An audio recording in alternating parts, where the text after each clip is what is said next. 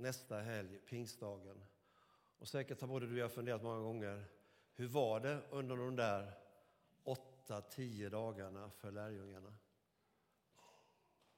Eh, det ska vi landa lite grann kring idag, om att bli uppfylld av den helige Ande. Elia, vi kan börja med första bilden. Ehm, att bli fylld av helig Ande. Ehm, pingsten, hänryckningens tid. Jag är inte så säker på att eh, långt ifrån alla Tibrobor skulle kunna relatera till varför firar vi pingst.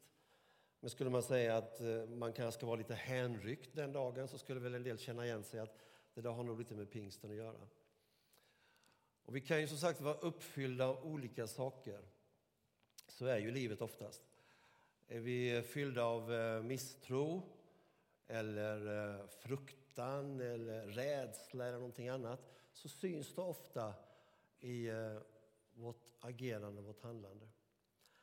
Är vi fyllda av glädje så går det inte heller att ta miste. Jag ska inleda min predikan med att eh, du ska få komma in precis i ett läge när misstron, för den hade varit, den hade varit total hos Lasse Granqvist och hans kollega. För det var nämligen så att Tyskland hade gjort både 1-0, 2-0, 3-0 och 4-0 i Berlin. Och där sitter Angela Merkel och eh, gläds och där sitter Fredrik Reinfeldt i publiken och gläds mindre. Men när vi kommer in nu så har man vänt det där som såg illa ut till 4-3 och då ser det ut så här.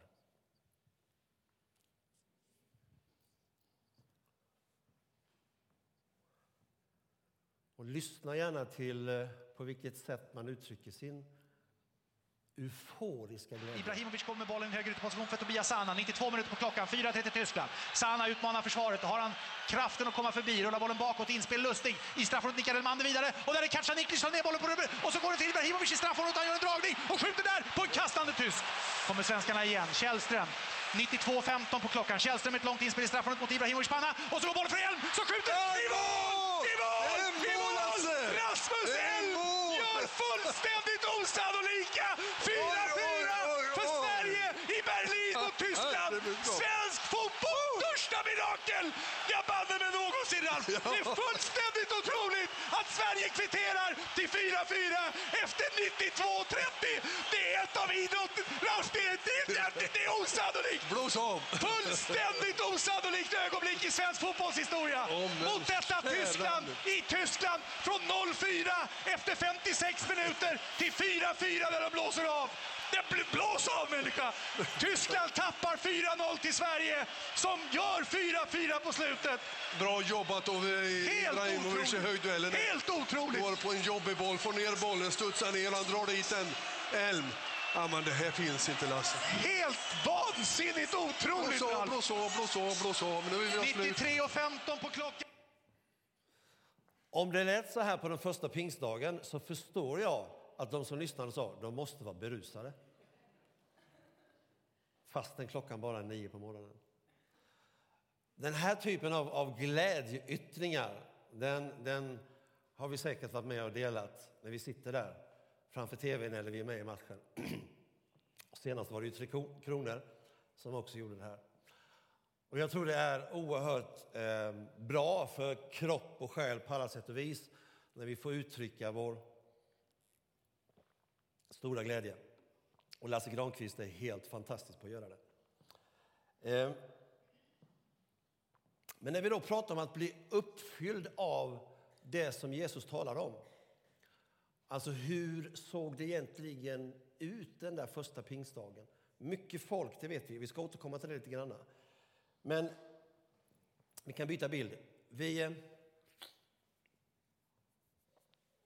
ska börja med att titta lite grann på det här med pingstens under, alltså om den helige Ande. Och jag ska inte landa i nu, för den här predikan ska inte handla om vem den helige Ande är, men kan hända att när du fundera på att, jag vet inte riktigt, jag har alltid undrat om Jesus är inte så svårt, men den helige Ande är eh, värre för mig att, att greppa. Eh, och det är en annan predikan, så den ska jag inte ta idag. Men eh, eh Jesus var tydlig själv, för lärjungarna visste heller inte vad är det du pratar om Jesus, att någon ska komma efter dig, för det var han tydlig med. Och Jesus kallade den helige Ande för hjälparen. Han sa han ska leda er in i den fulla sanningen. Han sa också att det är sanningens ande som ska påminna er om allt vad jag har lärt er. Om det här kan du läsa i Johannes 14. Han sa också, Jesus, det här är tröstaren. Jag ska sända någon till er som står vid er sida och trösta er. Om det står det i Johannes 15. Så Jesus var tydlig med att han talade om någon som skulle komma som var viktig för dem. Och I de grekiska översättningarna så hittar vi också ett ord för den helige Ande, nämligen parakletos. Och eh, jag är inte bra på grekiska, men en, en hyfsad översättning skulle kunna vara din försvarare. Den som står på din sida, för din talan. Om den här pratade Jesus. Och han var noga med att då tala om att det här var viktigt för lärjungarna. Det jag skriver i andra punkten här, jag läser för det syns lite roligt. Alltså vad tänker du när du hör begreppet att bli uppfylld av den helige Ande? Och här skulle vi kunna stanna och eh, bara låta det få bli en stund när vi fick berätta var och en vad vi tänker. En del skulle säkert säga att eh, jag har hört om det här sedan jag var liten. Eh, är du som jag så växte du upp i en, i en pingstkyrka, vilket jag gjorde nere i Gnosjö. Det talades så mycket om den helige Ande. Eh, jag hade mina, min bild som ung 13-14-åring, hur, hur går det till att vadå, bli uppfylld av den helige Ande? Eh, tappar jag sans och vett? Eh, vet jag vad det handlar om? Vad är det för någonting? Eh, du kanske är i det läget att du säger att jag vet inte, jag, jag, har aldrig, jag har aldrig varit med om det här att jag kan säga att jag har blivit uppfylld på det sättet som pingstdagen talar om. Jag kommer avsluta min predikan där du ska få ett vittnesbörd av någon som längtade så mycket efter det här och han fick vara med om en alldeles liten speciell resa. Men det tar vi allra sist. Det är uppenbart i alla fall att när vi kommer strax och ser vad som hände på pingstdagen så var det kraftfullt. Och kan hända att du, du, jag tror att ni som, som skulle kunna säga att ja, men jag, jag vet hur mitt andedop såg ut. Vi, vi säger så ibland att man blir döpt, man blir uppfylld av den helige Ande. Och jag är säker på att det är flera av oss som skulle säga att jag kan berätta. Så här var det när jag var 17 år, eller någonting. Eh, jag skulle kunna berätta om hur det var när jag var 14 år och var på Hampe, men det tror jag jag gjort innan, så det ska jag inte göra. En del av er har redan hört det. Men det var väldigt speciellt. Det var oerhört speciellt. Eh, och minnet finns kvar. Jag skulle kunna berätta om min farbror Bernt som inte lever längre, för han är hemma hos Jesus nu. 1966 när han vaknar, någon väcker honom på natten till midsommardagen. De har varit på bröllop innan för farfar hade precis gift bort en av sina fyra döttrar. Och Bernt var en av fyra bröder, så de var åtta syskon. Men just den, den midsommarnatten nu så hör farmor hur farfar harklar till på ett väldigt konstigt sätt och inser att det står inte rätt till. Man ringer till Värnamo och vill ha en ambulans. Bernt får till uppgift åka upp här mitt i natten och ställ dig vid Lids vägskäl som det hette så du kan leda ambulansen så det går så fort som möjligt. Där står Bernt och bara vet att min pappa inte fyllda 60 eh, ligger där hemma och någonting kan hända. Och det visar sig att han dog också den natten. Där står Bernt och väntar på ambulansen och blir fullständigt uppfylld av den helige då kan man säga det var väl ett märkligt tillfälle. Och varför vet jag inte, men han sa att jag började tala ett annat språk. Jag började prisa Gud och jag hörde mina ord men jag förstod inte vad de betydde. Så det finns många berättelser hur det kan ha sett ut när vi har fått vara med om det här. Det vi kan läsa om lite grann i... Oj, förlåt. Jag skulle inte alls vara på. Ja, så går det om man ska använda telefonen till annat. Nu får vi försöka hitta tillbaka till rätt ställe också. Tack för att ni har så stort överseende med det. Tror jag. Eh, det var alltså en eh, viktig bit i Jesu förkunnelse när han sa till lärjungarna, ni måste vänta. Han hade gett dem en befallning, ni ska gå ut och berätta om allt det ni har sett och varit med om. Absolut. Men ni får inte bara gå iväg. Petrus, du får inte vandra iväg i din egen kraft. Absolut inte. Vi stänger av en till här så blir det jättebra. Tack. Um, Och vi ska titta på vad Jesus sa, om vi tar nästa bild, när de stod där på Oljeberget. Och då kommer vi till Kristi himmelsfärdsdagen, det är det vi firar torsdagen. Och då säger texten så här, och det är Jesus som säger till dem, men när den helige Ande kommer till er ska ni få kraft att vittna om min död och uppståndelse för människor i Jerusalem, i Judeen och i Samarien och över hela jorden. Strax efteråt lyftes han upp i skyn och medan de stod och stirrade efter honom försvann han i ett moln. Där har vi torsdagens budskap. Och eh, Jag vet inte hur, om, om vi hade stått där och tittat på lärjungarna så hade vi bara sett säkert förvånade killar. Kanske att det var några av damerna med också, tjejerna. Men det här är vad som händer på Kristi himmelfärd. Och Jesus är tydlig med att säga, men när den helige Ande kommer, han talar inte om hur han ska komma. Han talar inte ens om när han ska komma. Han säger om några dagar, om några få dagar till och med. Men vad som var uppenbart det var att den här upplevelsen att få bli fylld av den helige Ande var något som Jesus sa, det är oerhört viktigt för att ni ska klara av det uppdrag som jag har gett er. Och så kan vi byta bild. Och nu är det en liten text jag ska läsa. För så här berättar Lukas i Apostlagärningarna. Sju veckor hade nu gått sedan Jesus dog och uppstod och pingstdagen kom. När de troende hade samlats den dagen hördes plötsligt ett dån från himlen som ljudet av en våldsam storm och det fyllde huset där de var samlade. Sedan visade sig något som såg ut som, flamman, som flammor eller eldstungor och dessa stannade över deras huvuden och allesammans blev fyllda av den helige Ande och började tala språk som de i vanliga fall inte kunde men som den helige Ande inspirerade dem till. Det här är en, en text som de flesta av er har läst så många gånger. Vi kommer läsa den nästa helg. Men försök tänk dig in i situationen. Det är högtid i Jerusalem och det är mycket folk där. Fromma judar har kommit hem för att fira pingst. Och det är uppenbarligen ett våldsamt dån som sker klockan nio på morgonen. Tungor såsom av eld över var och en. Och de var ungefär drygt hundra samlade i den här salen. De hade gått dit varje dag. Och det gjorde de därför att Jesus sa, ni måste vänta till dess ni möter den helige Ande. Så nog var det viktigt. Och nu händer detta. Jag tycker det skulle varit oerhört spännande att stått där bredvid och jag på säga inte bli uppfylld utan bara få se som en reporter, vad, vad händer? Men uppenbarligen är att det händer någonting som gör att Lasse Granqvists glädje är liten i förhållande till det här.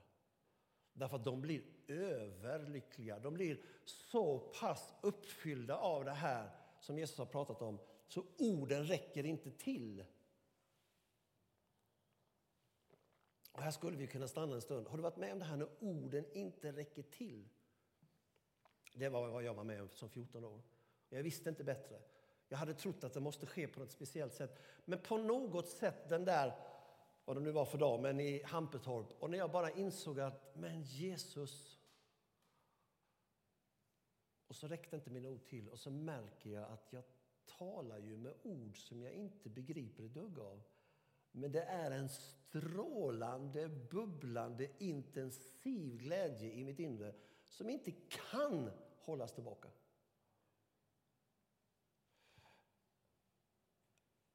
Och då kanske du tänker, har Gud tänkt att vi ska ha det så varje dag? Nej, men det tror jag inte. Då får vi inte mycket gjort. Eller hur? Utan han sa ju till dem att ni ska gå ut och ni ska göra det här och det här. Och vem helst ni ger ett glas vatten så har ni gjort det mot mig. Alltså Jesus är en oerhörd praktiker i att han vill ha doers. Han vill ha, han vill ha en församling, han vill ha lärjungar som gör saker och ting. Men han insåg, ni måste få den här kraftkällan att landa. Och där står de nu och eh, klockan är nio på morgonen och de som hör, för jag ska inte läsa resten i Apostlagärningarna 2, du kan ju läsa det här. Men när de står och hör, jag känner ju igen språket. Och jag vet att de här killarna kan inte, jag kommer ju från Felicien. Jag kommer ju långt där bortifrån, jag är ju från Grekland. Varför? De här är ju inte ens lärda. Jag förstår varenda ord. Men då är det någon som är klok och säger, nej men du, de är bara lite berusade, det är bara så. Och Petrus kliver fram och säger, hörni, det är inte så att vi har druckit oss berusade klockan nio på morgonen, ingalunda. Och här håller Petrus en brinnande predikan. Full, fylld av en helt ny energi i att få berätta om det han nu hade upplevt i tre år. Vi kan ta nästa bild, för då säger han så här bland annat. Kristus har nämligen lovat att den helige Ande ska ges till var och en som har blivit kallad av Herren, vår Gud, och till era barn, ja, till och med till de som bor i andra länder. Och sedan höll Petrus en lång predikan och berättade om Jesus och uppmanade med stor kraft alla som lyssnade att ta emot frälsning. Det här händer på pingstdagen. Och det blev ett startskott, absolut, för det du och jag sitter nu 2017 och ser och hur vår värld ser ut. Och här är det många av er som kan det här bättre än mig när det gäller statistik. Men om jag säger att varje dag är det tusentals nya människor på vår jord som säger jag vill ta emot Jesus. Massajer har ingen aning. Muslimer väcks mitt i natten av någon i en dröm som säger du ska prata med honom. Så den helige Andes sätt att jobba har ju ingalunda avtagit 2017. Det är intensivare nu än någonsin. Det är den absolut största missionären jag säga, som går i ett par skor. Jag vet inte om de helige Ande har skor, så det, det, släpper jag. Men det är den största missionären som verkar på jorden. Det är den helige Ande. Och han verkar där du och jag inte ens hade tänkt oss.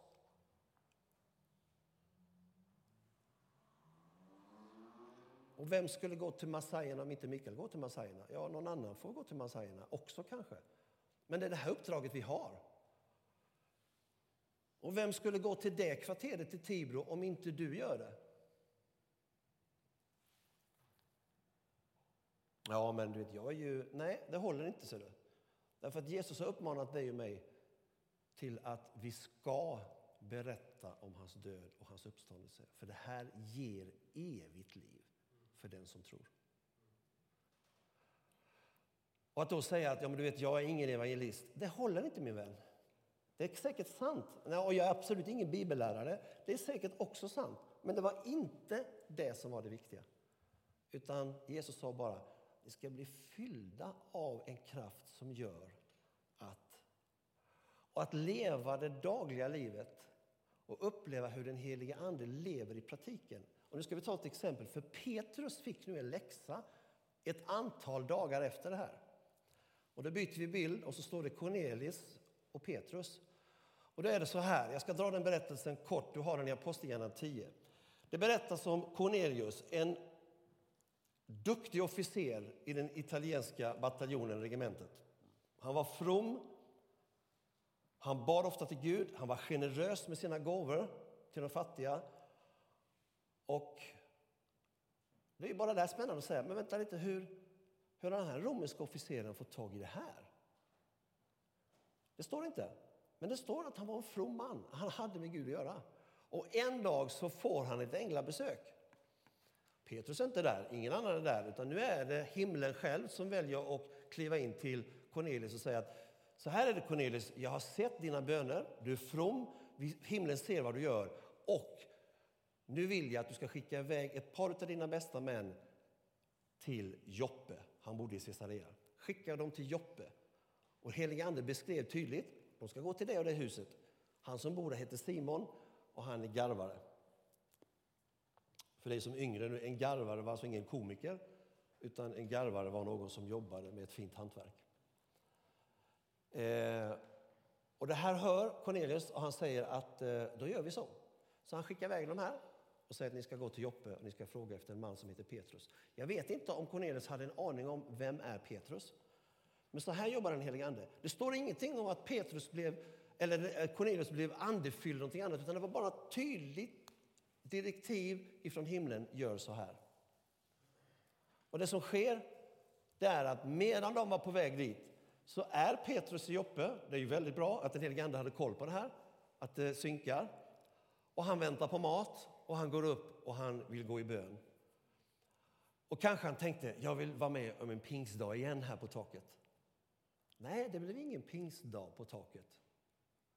Utan när han ber så ser han synen av en duk som stod som en segelduk som kommer ner. Och den innehöll alla tänkbara djur och en röst från himlen sa slakta och ät. Och sann jude som Petrus var så säger han aldrig i mitt liv, det här är orent, ingenting som vi judar skulle slakta och äta. Tre gånger samma syn och rösten säger du får inte kalla det för orent som jag, Herren, kallar för rent. Nu var det inte så mycket dån, eldtungor och annat. Det var en syn, men det var en lektion och Petrus begriper ingenting. Men det gör inte så mycket, för den heliga Ande har synkat så de här grabbarna är nu på väg. Och som jag förstår ungefär när Petrus ska gå ner och förstå att maten är färdig så knackar det på dörren och de säger vi söker Petrus. Och så börjar de berätta. Det är så här, vi har blivit hitskickade därför att han heter Cornelius, det är en from man och han har i en syn fått höra att vi ska hämta dig. Nu hinner Petrus tänka, vänta lite. Ett, det här är hedningar. Alltså icke-judar. De går jag inte till. Det hinner han tänka. Och de har absolut ingen... Vad, vad snackar de om? De ska inte ens ha del i det här. Men så kommer han på duken, segelduken. Och tack och lov att Gud gjorde den här enkla lektionen med Petrus innan. Annars tror jag att Petrus har sagt forget it. Ni kan kalla på vem ni vill, men vi sysslar inte med det. Nu överför jag den lilla... Vi stannar i bilden precis där och överför detta precis till idag 2017. Om eller när Gud sänker sin segelduk för dina och mina ögon och säger Här, Pelle, gör om jag säger aldrig. Då säger Gud, du ska inte tala om vad som är fel. Jag tror det alltså är likadant idag, vänner, att Gud behöver, och det är så den helige Ande jobbar då i det vardagliga, med att lära dig och mig mer och mer om vad han vill ha utfört. Nu vandrar Petrus dit för han inser att det är något jag måste lära mig i det här. Och det fantastiska är, om vi tar nästa bild, att när Petrus kommer dit och först då så blir han vänligt mottagen och faller på knä och Petrus säger, nej men hallå ställ upp, jag är ingen Gud. Men han står vid tröskeln. Varför då? Därför att den fromme juden kliver inte in i en hedningshus. Han hinner fortfarande stå och fundera på, jag ska inte vara här. Men okej, okay, berätta nu hörni, varför är jag här? Och så berättar Cornelius, det här är skälet till varför du är här. Och då inser Petrus, jag måste berätta. Jag måste starta upp en predikan och tala om för de här. Och här kommer det jag tycker är den fantastiskt komiska delen i hur den helige Ande jobbar. För hör nu på texten. Medan Petrus ännu talade föll den helige Ande över alla. Vi stannar där så länge. Tänk dig själv, nu har han kommit in, han börjar den fromme juden som vet vad han har varit med om på pingstdagen. Han håller nu en predikan och ska berätta. Men den helige Ande hinner inte vänta. Utan medan han talar så faller den helige Ande över allihop. Och så säger texten över alla de som hörde hans ord. De, omvända judarna som hade följt med Petrus häpnade över att den heliga Andens gåva blev utgjuten också över hedningarna. De hörde hur dessa talade med tungor och prisade Gud. Nu händer det igen. Dessa hedningar talar främmande språk. Då frågade Petrus, vem kan hindra att de blir döpta med vatten när de nu har tagit emot den helige Ande, alldeles som vi? Och han sa till dem att de skulle döpas i Jesu Kristi namn och sedan bad de honom att stanna där några dagar. Jag tycker det är oerhört välsignat att vi har tionde kapitlet i Apostlagärningarna, för det lär oss en hel del om att ibland ber Gud oss och den helige Ande led dig och mig in i situationer där vi kan säga, här har jag aldrig varit förr. Nej, men jag ber dig gå dit nu. Hade vi fortsatt och tappat något mer, vilket jag inte gör nu, så kan du veta samma sak när Paulus, eller Saulus, har hamnat i Damaskus blind och eländig. Och den helige Ande säger bara till Ananias, inga tungotal, inga eldslungor, utan bara tydligt, Ananias, här är det. Gå till Raka gatan, till Judas hus, där ligger Saulus, han ber. Och de flesta av oss hade inte gått dit, för det var en riktigt farlig kille. Nu läser vi i gårdagens Dagen att Sebastian Stacket fick en tydlig... Vet ni vem jag pratar om? Några stycken vet det. Det är en, en, en ung grabb, för er som inte vet vem han är, som har levt ett kriminellt liv. Han har levt, eh, hatat poliser och allt annat och varit riktigt där nere och vänt och har fått upptäcka en total förvandling. Och han bara älskar Jesus, den här unga grabben. Och vi ska be till Gud för honom att han inte bränns ut nu. Det är en tanke som jag har. För nu kör man lite hårt med den här grabben. Det var en parentes. Men, men ber för att Sebastian ska orka. Men i alla fall, han kommer till Örebro i någon av de närmaste dagarna. Och eh, är på torget och sjunger och vittnar om sin upplevelse.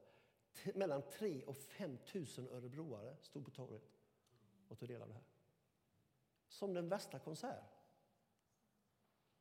Hörrni, låt oss bara vara klara över en vecka före pingstdagen att det händer fantastiska saker i vårt avlånga land. Och Gud väljer ut vissa lite extra kanske att under en tid få vara brinnande facklor. Men att detta måtte då göra att alla, för visst är det så att Örebro har fantastiskt många kyrkor va? Jag tror det är en väldig täthet på kyrkor.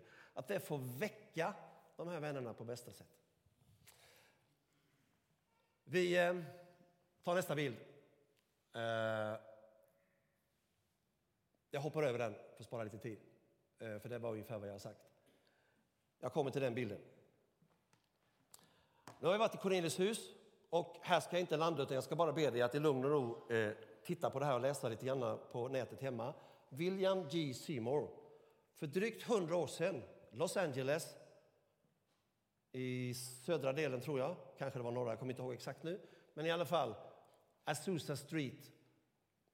Och när man läser om, om hans, eh, han var född, eh, han blev inte mer än 50 år, 52 år, han dog 1922, får ni räkna baklänges, vad blir det, 70, 1870. Eh, och det här är alltså 1906. Och här har jag tagit en text där det står så här, väckelsen bröt fram, alltså vi är i Kalifornien i USA, med väldig kraft och människor med olika hudfärg strömmade till från olika delar av landet och världen och från olika trossamfund för att uppleva Andens dop på övre salen i kyrkolokalen, ett litet metodistkapell. Väckelsen pågick i tre och ett halvt år med möten sju gånger i veckan, tre gånger dagligen och nästan dygnet runt. Tack för den du! Nu pratar vi om att vi inte behöver något programblad. När är det gudstjänst? Nu. Och när är nästa gudstjänst? Snart. Sen var det likadant när man läser om William. Det var ingen enkel resa han hade. Han blev portad av vissa predikanter och så vidare. Men här har du det som vi brukar säga, här föddes det som är pingstunionen eller pingströrelsens över hela vår värld. Assembly of God, den har många namn. I ett litet metodistkapell. Det är bara hundra år sedan. Det är bara hundra år sedan. Och nu ska jag avsluta min predikan eh, med att ni ska få lyssna till, inte mig utan någon annan. Och att eh, jag tar med det här, det är därför att jag, jag tycker om när vi får exempel på hur människor i stark längtan som kanske ibland pågår under många dagar eller veckor. Men man bestämmer sig för Gud, jag vill, bli upp, jag vill vara med om det här som jag läser om. Jag vill inte att det ska bara vara att jag läser om det. Det var en stark förväntan i Cornelis hus. Och de här som, som träffade William Seymour för drygt hundra år sedan. Det berättas ju om, om någon kvinna som började om jag läser rätt så kunde hon inte spela piano. Men hon satte sig vid pianot och spelade och sjöng på ett antal språk. Jag kan förstå de som säger att det här måste vara gallimatias. Alltså, vad, vad, vad är det här till för nytta? Jag bara konstaterar att jag ser att Jesus sa innan han lämnade ni måste vänta in så ni blir uppfyllda av den helige Ande. Det finns någonting från evangeliets början som talar om att det här är viktigt. Och jag önskar och ber att vi ska få känna eh, enkelheten i att få ett dop i den helige Ande. Att inte fastna i det här, undra hur det går till. Jag får ringa Bengt Richter och höra hur gör man? Eller jag får ringa Britta och kolla, eller någon annan. Nu ska du få träffa Staffan Ljungman. Kanske en del satt på Oas i Skövde när han predikade. Kanske en del av er har sett det. Det här är tio minuter långt, så ni vet det nu. Men ni ska lyssna på det därför att, och jag säger amen här nu, för det är han som får avsluta min predikan.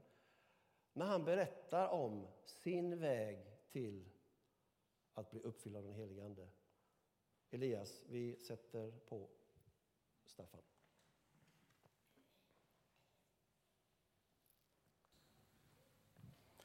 Och därför måste jag nu lägga till ännu ett datum i mitt liv och säga så här. Jag fick medveten del av Guds ande en kväll i januari 1972. Det var då frågan om en personlig upplevelse. En, en särskild utrustning med kraft. En pingstupplevelse, om man så vill som påminner alltså om hur apostlarna blev uppfyllda av Anden i Apostlagärningarna 2.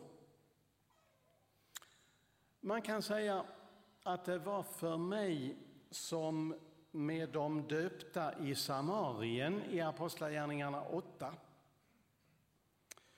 Det står att apostlarna fick skicka dit Petrus och Johannes för att be för de nydöpta samarierna att de skulle få helig ande.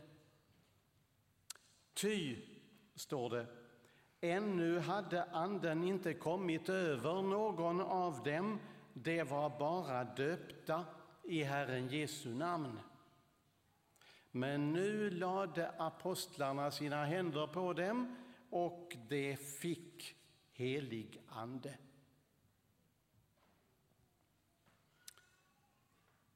Så ungefär gick det till i mitt liv också. Inte att det kom några apostlar precis, men det kom andra och la händerna på mig, jag ska berätta. Precis som de troende i Samarien var jag bara döpt. Bara, det är nu sannerligen inte så bara. Jag har redan sagt att det är den största händelsen i mitt liv, alla kategorier, mitt dop, fast det var så länge sedan. Men jag skulle upptäcka att det finns ännu mer att få. Jag började önska mig en upplevelse. Men var skulle jag få den? Svenska kyrkan förde inte sådant på den tiden. Så jag fick faktiskt vidga mina horisonter och knalla till Pingstkyrkan hemma i Osby. Fast det tog emot. Jag vågade inte riktigt. Men tänk vad Gud är god. En dag i januari 1972 så stod det en annons i tidningen att en missionär skulle hålla föredrag i Pingstkyrkan där hemma om den karismatiska väckelsen i Hongkong. Det kunde väl inte vara farligt? Jag menar, Hongkong, det var ju på långt tryggt håll.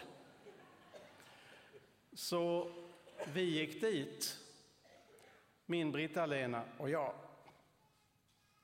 Men inte bara vi. Det visade sig att Guds ande också var där. Nu ska ingen tro att det som hände den där kvällen i Pingstkyrkan kom som en blixt från klar himmel. Jag är säker på att Anden hade förberett oss under lång tid. Han hade visat på bibelställen om andeuppfyllelse. Han hade gett oss böcker att läsa om den då för tiden nya karismatiska väckelsen. Han hade ingivit oss att, att längta efter och be om något mera. Och han hade säkert förmått andra människor att be för oss. Fast vilka, det vet vi än idag inte. Men nog var marken beredd den där januarikvällen. Missionären höll ett mycket intressant föredrag om väckelsen i Hongkong. Ja, hon berättade att till och med katoliker var med och då blev jag lite lugnare. Men så slutade hon med att säga det som har hänt i Hongkong, det kan faktiskt hända i Osby också. Nu gör vi en liten paus och sen efter den så kan alla som vill bli andedöpta komma fram och så ska vi be för er. Andedöpta. Jag. Var det det jag ville? Eller skulle jag använda pausen till att smita ut? Nej, det kändes inte bra. Istället så använde vi pausen till att kvickt åka och muta barnvakten och stanna ett par timmar till. Och sen var vi snart tillbaka. Ja, jag tog mod till mig och gick fram och bad tyst.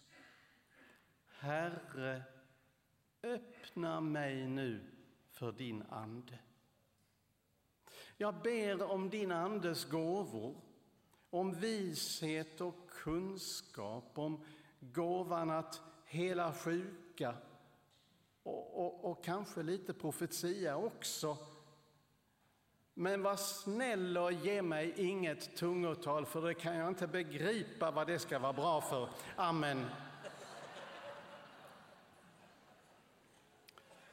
Så kom de och la händerna på mig och bad i tungor. Och ingenting hände.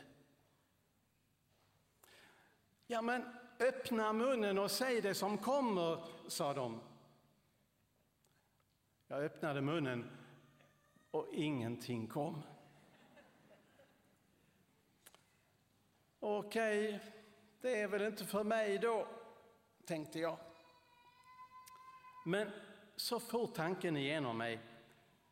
Vem är jag som ligger här som en bortskämd barnunge i en godisbutik och, och, pekar? Kan jag få lite av den sorten och av den och av den röda där? Men inte av den där äckliga sorten.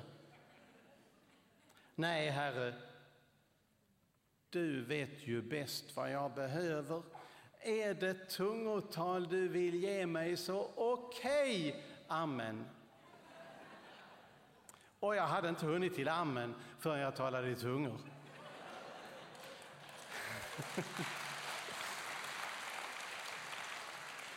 Ja, jag ska applådera också, för applåden gäller ju inte mig. Den gäller högre upp, så att säga. Jo, allting blev ljust för mig. Och jag talade och talade på mitt nya bönespråk och kunde inte sluta. Och det var inte bara tungotalet, utan jag fick på köpet ny kraft, ny glädje, nytt liv i min tro. Det var verkligen en förnyelse. Jag läste Bibeln med nya ögon och blev förvånad över hur mycket där stod som jag aldrig hade sett. Det blev, som det står i den nisenska trosbekännelsen, jag tror på den helige Anden, Herren och livgivaren. Han var livgivaren, den som gav nytt liv. Nu tänkte jag vi kunde sjunga Ande du som livet ger.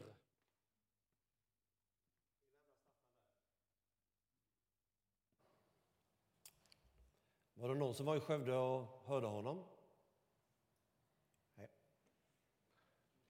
Jag vet inte om det är, vad kan det vara, fem, sex år sedan? Någonting som det var oas i Skövde. Ehm, jag har hört Staffans berättelse nu så många gånger. Ja, vi brukar använda just de här bilderna när vi har alfa-helg om den helige Ande. Jag tycker att han har en, för det första det är ju hans berättelse, den är personlig. Men det visar just hur en präst i Svenska kyrkan eh, går sin väg. Och eh, så berättar han ju det med en skön glimt av humor. Det tog i lite extra att behöva gå till Pingstkyrkan i Osby. Jag kan förstå vad han menar. Men hörni, vi då som sitter i Pingstkyrkan i Tibro, och det har du säkert förstått, vi kan naturligtvis inte på något sätt säga att så vi är de enda saliga. Nej, det är vi inte. Utan precis alla som tror. Och den helige Ande rör sig överallt och han döper i helig Ande när du och jag kanske inte ens förstod att det går hos honom eller henne att bli döpt.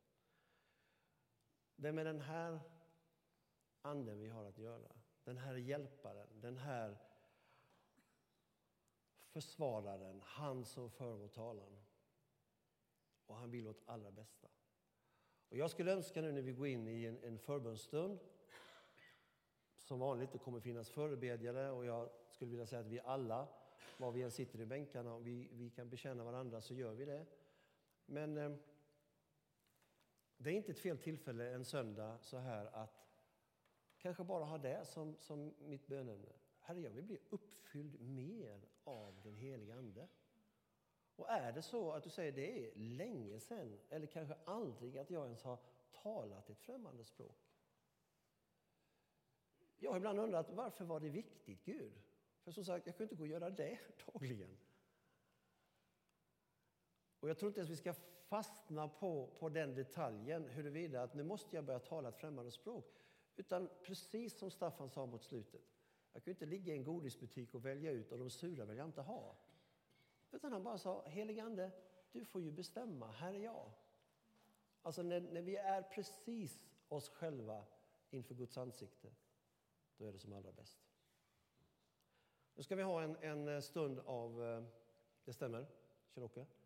Så Marisol och Gustav kommer upp vidare och eh, ni som har förberett på att vara förebedjare, eh, och jag vet inte hur många vi är idag, men låt oss hjälpa åt, hjälpas åt och eh, så är vi inför Guds ansikte. Det var många nätter och dygn som man i Azusa Street hade både fastat och bett för man vägrade att lämna lokalen innan man fick möta Gud. Vi kommer inte att fasta och be här det här dygnet ut utan vi kommer gå hem om en stund. Vi kommer dricka kaffe om en stund. Men låt oss ta en stund när vi får bara, och utifrån där du befinner dig, för låt mig bara säga en sak till. Jag tror jag sa det förra gången jag predikade. Din position i Gud, att du är rättfärdig, den har ingenting med ditt tillstånd idag att göra. Alltså om du känner med övertygelse att jag duger inte, jag vet inte riktigt vad jag har min... Det är okej, okay, det är ett tillstånd idag. Men din position, att du är ett Guds barn och rättfärdig, det blev det den dag du sa ja till Kristus. Och den positionen Alltid när Gud ser på dig så är det som Gud har ett skynke framför sig och det är Jesu blod. Han ser dig genom Jesu blod. Han säger, det är ju du Kjell-Åke. Du har varit rättfärdig länge. Ja, men mitt tillstånd är kanske si eller så. Det kan vi hjälpa till med. Vi inleder vår förbundsstund.